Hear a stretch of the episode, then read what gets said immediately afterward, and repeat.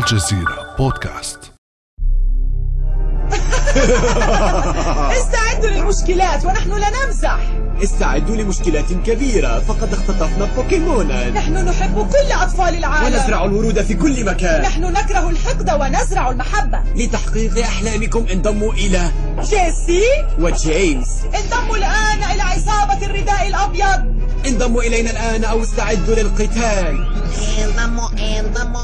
هذا مقطع من مسلسل عصابة الرداء الأبيض الكرتوني ولا يختلف في الواقع مضمون هذه الكلمات البراقة عن كلام يردده كل مرة أبيخاي أدرعي الناطق باسم جيش الاحتلال الإسرائيلي محاولا تبييض صورة المحتل بل وحتى تجنيد الشباب العربي. فعدد كبير منكم يملك كما أقول ميزات خاصة للانضمام إلى هيئة الاستخبارات الأفضل إقليميا وربما عالميا وهي طبعا هيئة الاستخبارات العسكرية الإسرائيلية. ما يقوم به أبيخاي أدرعي ليس سوى قطعة صغيرة في آلة إسرائيلية ضخمة للدعاية. لم تتوقف يوما عن صناعة صورة دولة ضحية تواجه محيطا معاديا وتقدم نفسها للعالم كقوة محبة للسلام وتغطي على جرائمها بسرديات مبنية على الكذب والتزييف. فما هي أدوات الدعاية الإسرائيلية؟ ولماذا نجحت في تزييف الحقائق والواقع بينما فشل العرب في ذلك؟ وكيف يمكن مواجهة هذه الدعاية الإسرائيلية؟ بعد أمس من الجزيرة بودكاست أنا خديجة بن جنة.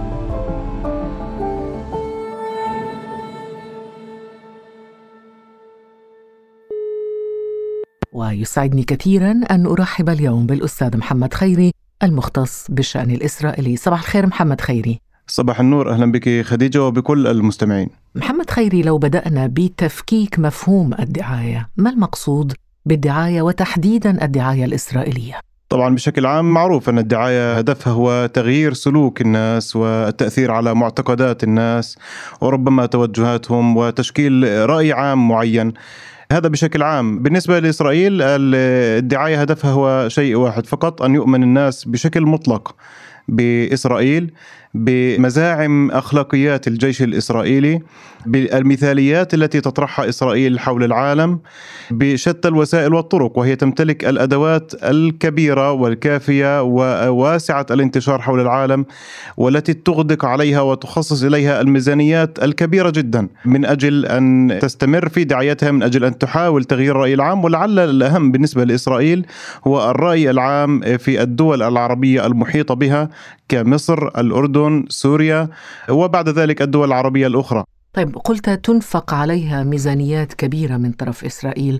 يا ريت لو تعطينا فكرة عن ما ينفق على الدعاية ومن يقوم بها وما هي أدواتها وبأية لغة توجه لمستقبليها أو المستهدفين منها. إذا ما بدأنا في تتبع التوجهات الإسرائيلية إلى الدول العربية نجد أن إطلاق ما يعرف بإذاعة صوت إسرائيل باللغة العربية وبعض وسائل الإعلام باللغة العربية للتأثير على الرأي العام العربي بدأت عام 56 تقريبا بعد العدوان الثلاثي. ما جرى يومها أن مشاركة إسرائيل في العدوان الثلاثي وقيادة إسرائيل لهذا العدوان على مصر سببت نهضه ما في العالم العربي والإسلامي مظاهرات واحتجاجات وما إلى ذلك.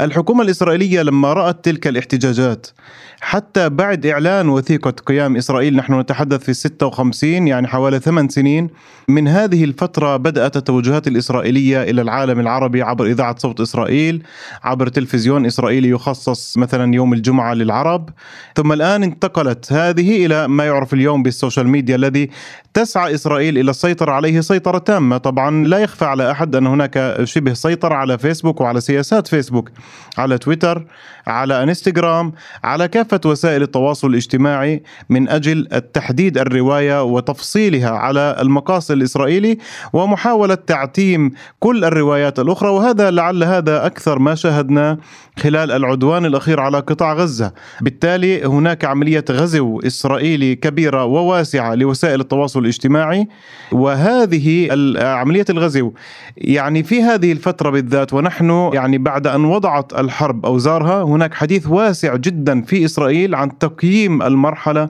بما يتعلق بعملية التسويق والتأثير. على خلاف ما يعتقد الكثيرون تعتقد إسرائيل وهذا على لسان الكثير من محلليها أنها فشلت في عملية التسويق؟ قلت إسرائيل فشلت في التسويق ولكن ما نشاهده أستاذ محمد خيري على مستوى منصات التواصل الاجتماعي من مواقع إسرائيل 24 بالعربي، إسرائيل بالعربية ومواقع أخرى ومتابعين عدد كبير جدا من المتابعين لأبيخاي أدرعي ولمواقع إسرائيلية ألا يدل على أنه بالعكس أنه عملية التسويق نجحت؟ سنبين لماذا أنا قلت فشلت وهو ليس قولي أنا هناك ضجة عارمة الآن في إسرائيل إذا ما نظرنا إلى صحف اليوم والأمس ما بعد أن وضعت الحرب أوزارها. ولكن نجاح في خاي أدرعي هو النجاح موضعي محدود. نعم هناك تأثير بدون أدنى شك ولكن هذا التأثير حتى بالنسبة لإسرائيل بطيء جدا. يعني بحاجة إلى عشرات السنوات كي يستطيع التأثير بنسبة مئوية خمسة أو عشرة بالمئة وليس تأثير متسارع. ولكن ما يجري وما يبطئ من حالة هذا التأثير هو وجود وجود رواية فعلا عربية يعني تحاول النهوض بنفسها رغم أنها تصطدم بعقبات كثيرة وليست موازية لآلة الإعلام الإسرائيلية ولا تمتلك القدرات ولا المقدرات من أجل أن توازيها. وهذا ما ساهم نوعا ما في إبطاء عملية التأثير الإسرائيلية.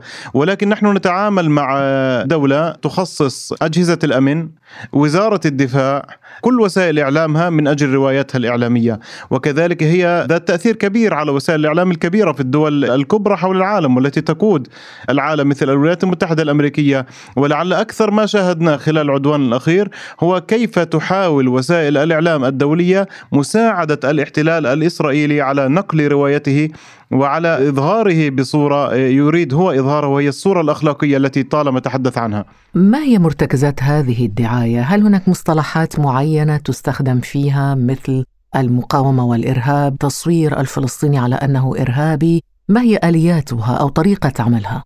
نعم بداية هناك طاقم مختص تشكله الأجهزة الأمنية الإسرائيلية يعمل ضمن وحدة الجيش الإسرائيلي وهناك أيضا المركز متعدد المجالات في مدينة هرتسلية الذي يخصص يعني وهو أحد المراكز الأكاديمية الأكثر شهرة سواء في إسرائيل وفي غيرها من دول العالم.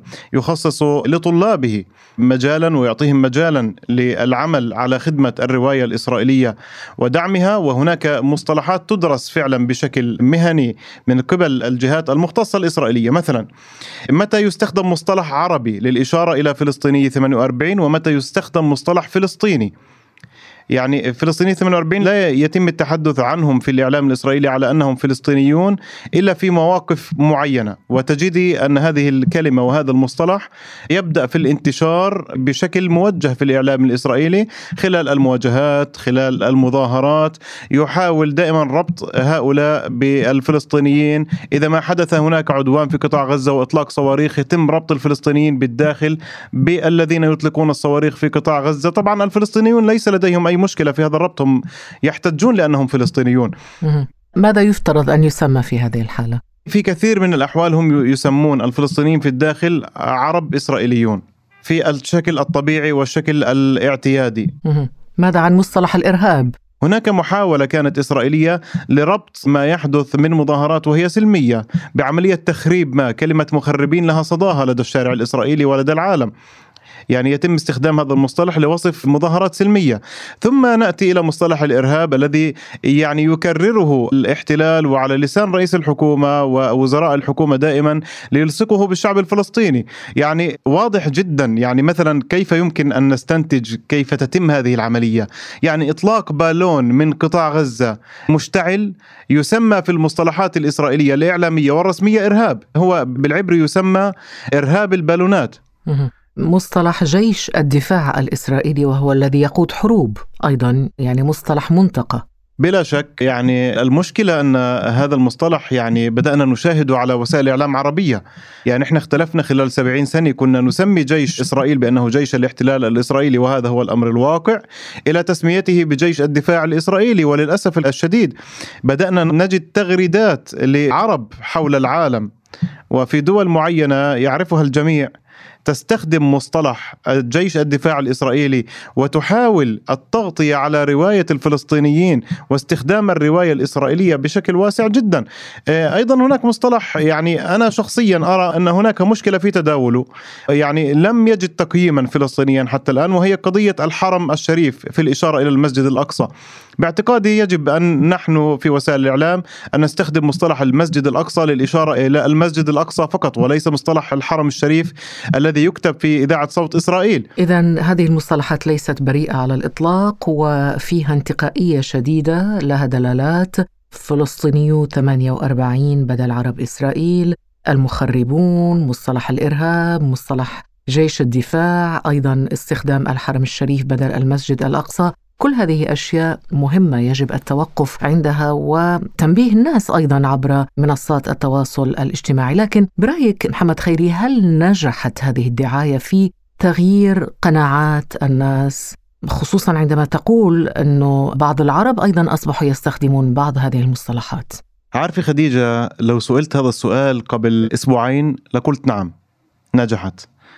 وذلك من فرط ما كنت أشاهد من تغريدات تدوينات فيديوهات على وسائل التواصل الاجتماعي مصدرها معروف طبعا. لعرب يتحدثون عن إسرائيل عن دولة إسرائيل يزورون إسرائيل.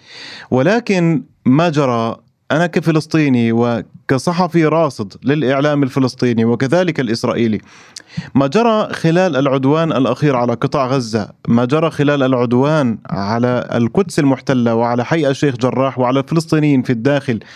من عملية تضامن عربية وإسلامية منقطعة النظير يعني أكرر منقطعة النظير منذ عام 2014 هي دلالة كبيرة ودلالة يعني حتى للتاريخ. لكن خديجة يعني لابد من التأكيد مرة أخرى. نعم الإعلام العربي والتأثير العربي ضعيف جدا وقليل جدا أمام آلة الإعلام الإسرائيلية وليس لديه من الدعم الكافي والمقدرات من أجل الانطلاق والتأثير في الرأي العام الدولي. ولكن ما يجري اليوم هو عملية إعادة حساب إسرائيلية ربما يتفاجأ الجميع الآن. نعم في إسرائيل تغلب الهاشتاج العربي تغلب المغردون العرب على كل هذه الترسانة الإعلامية الإسرائيلية سواء الرسمية وسواء تلك التي توجه من الغرب أو عبر مواقع التواصل الاجتماعي. إسرائيل بلسانها تعترف يعني اليوم كان منشيت عريض على صحيفة دعوت أحرونوت وهي أكثر الصحف انتشارا في إسرائيل حول آلة التسويق الإسرائيلية. كيف فشلت آلة التسويق الإسرائيلية؟ كان هناك لقاءات كثيرة مثلا مع رئيس سابق لجهاز الموساد مع ناطقين باسم جيش الاحتلال السابقين مع مستشارين إعلاميين كثر.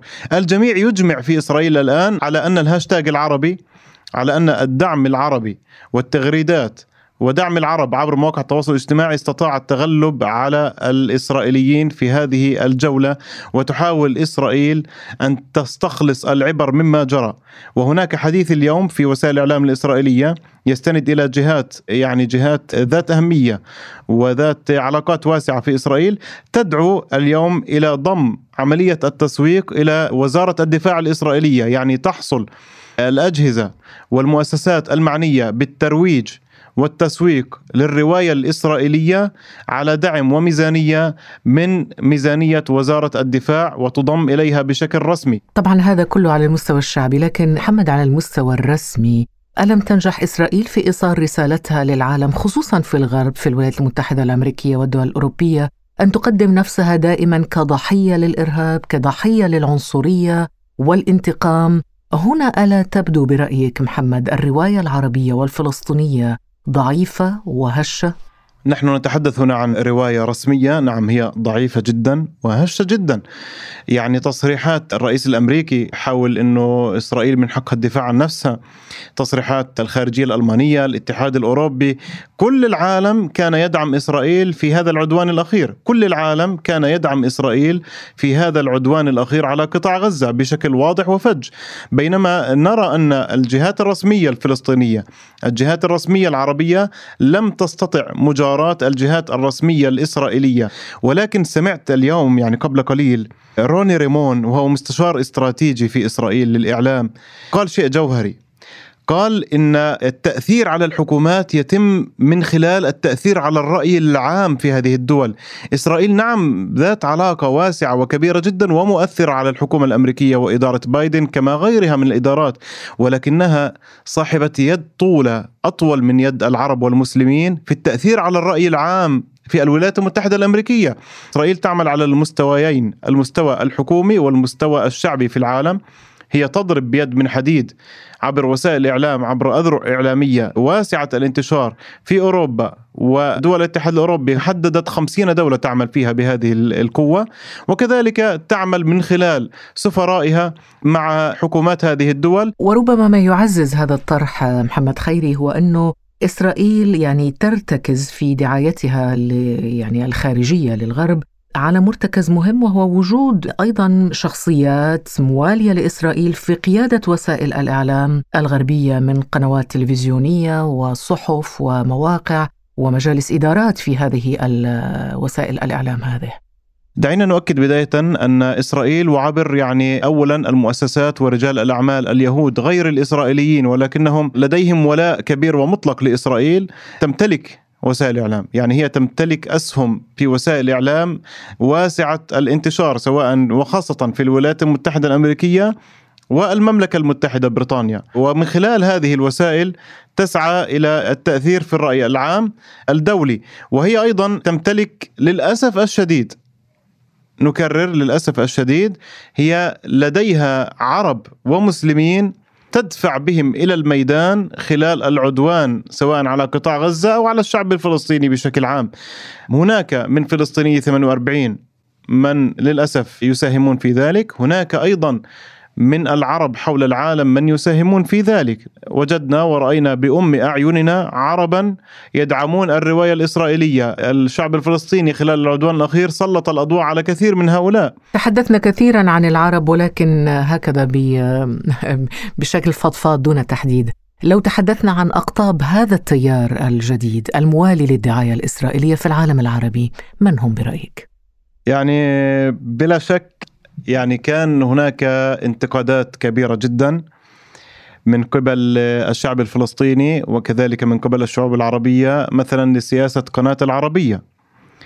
وهذه ليست قناة طبعا القناة المملوكة للسعودية وتبث من أبو ظبي. وخلال العدوان الأخير هذا الذي مررنا فيه كان واضح جدا وكان هناك حملات في وسائل التواصل الاجتماعي الفلسطينية ضد قناة العربية ضد سياسة قناة سكاي نيوز أيضا التي تبث من أبو ظبي تجاه ما يجري في قطاع غزة. كان واضح أن هناك انحياز للرواية الإسرائيلية على حساب الرواية الفلسطينية، خديجة فعليا إسرائيل نفسها لم تستطع الترويج لدعايتها، لم تستطع هذا واضح، ولكن هناك وسائل إعلام عربية قدمت هذه الخدمة لإسرائيل.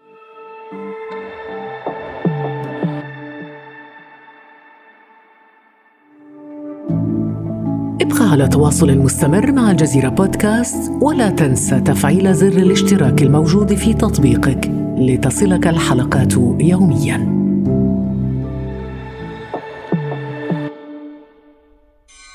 محمد هذا التفاوت بين الأدائين الإسرائيلي والعربي لابد أن له يعني حلول أو طرق لتصحيح الرواية وتعديل الكفة في مواجهة التزييف الحاصل الآن لا سيما وأن الغرب ربما شاهدنا خصوصا خلال الأحداث الأخيرة أنه الغرب هناك أناس متعاطفون وهم كثر متعاطفون مع الحق الفلسطيني ويمكن بالفعل استثمار في هذا التيار والمغني البريطاني مثلا روجر ووترز يعني مثال أو نموذج لذلك خلينا نستمع إلى ما يقوله ثم نعود لمواصلة هذا النقاش Sheikh Jarrah, Jerusalem What?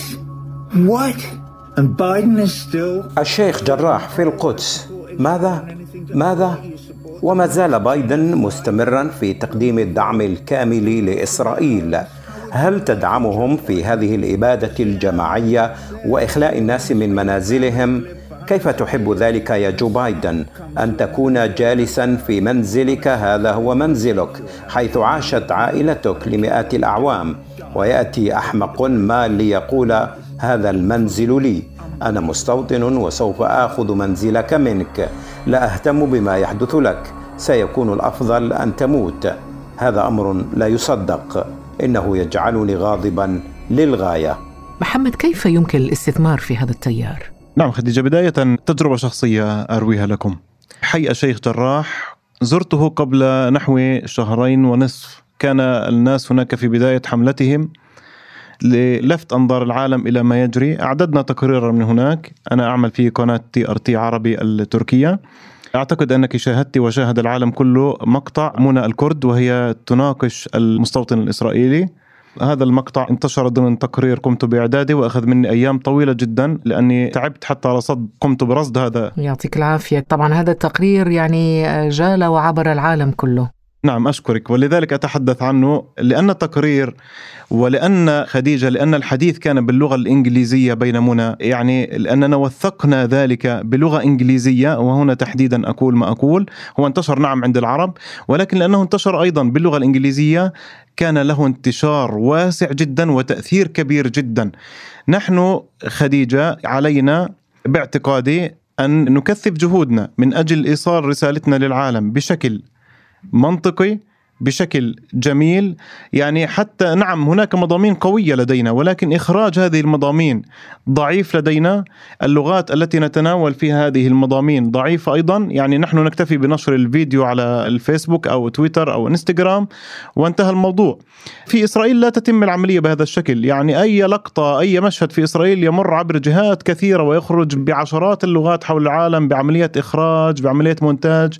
ولكن أنا باعتقادي إننا في مرحلة الآن فعلا ممتازة فعلا جميلة على صعيد التأثير ولكن يجب علينا الا نتراجع خطوة إلى الوراء لأننا في الوقت الذي نتراجع فيه هناك من يتقدم. في هذا الصدد ما النصائح التي يمكن أن توجهها للمستخدمين مستخدمي منصات التواصل الاجتماعي والمؤثرين خصوصا الشخصيات المؤثرة اعلاميا ودعائيا في الخطاب الموجه للغرب؟ نعم بداية دعينا نؤكد في كل مكان في العالم مهما كان هذا المكان ومهما كانت هذه الدولة مناصرة لإسرائيل لابد أن نجد هناك من يدعم القضية الفلسطينية. في كل مكان في كل مكان هناك قيادات تدعم القضية الفلسطينية سواء قيادات سياسية سواء فنانين رياضيين. علينا نحن كعرب أن نكثف تواصلنا مع هؤلاء أن نعرف مع من نتواصل أن نوفر لهم المادة التي تخدم روايتهم. لدينا الكثير في فلسطين لدينا تحت كل حجر رواية صادقة. نستطيع أن نمدهم بما يريدون. وهناك شاهدت شيء جميل الآن انطلق خلال الأيام الماضية على إنستغرام. هناك صفحات كثيرة تتبرع في ترجمة كل المحتوى الفلسطيني إلى كل لغات العالم. يعني الآن إذا كنا نريد ترجمة أي مقطع إلى اللغة البوسنية اللغة التركية اللغة الإنجليزية الفرنسية هناك جهات ونشطاء يتبرعون من أجل ذلك. هم لديهم الآن بنية تحتية واسعة من الدعم بفضل هذه القضية وعليهم أن يجندوا أنفسهم من أجل هذه القضية وخدمة من خدمهم. شكرا جزيلا لك على كل هذه النصائح وهذه الإفادة الجميلة في هذا الموضوع المهم المتعلق بالدعايه الإسرائيلية وما يفترض أن تكون عليه أيضا الدعاية العربية في موضوع فلسطين. شكرا لك محمد خيري الباحث في الشأن الإسرائيلي. شكرا جزيلا لك ولكل المستمعين. بارك الله فيك. كان هذا بعد أمس.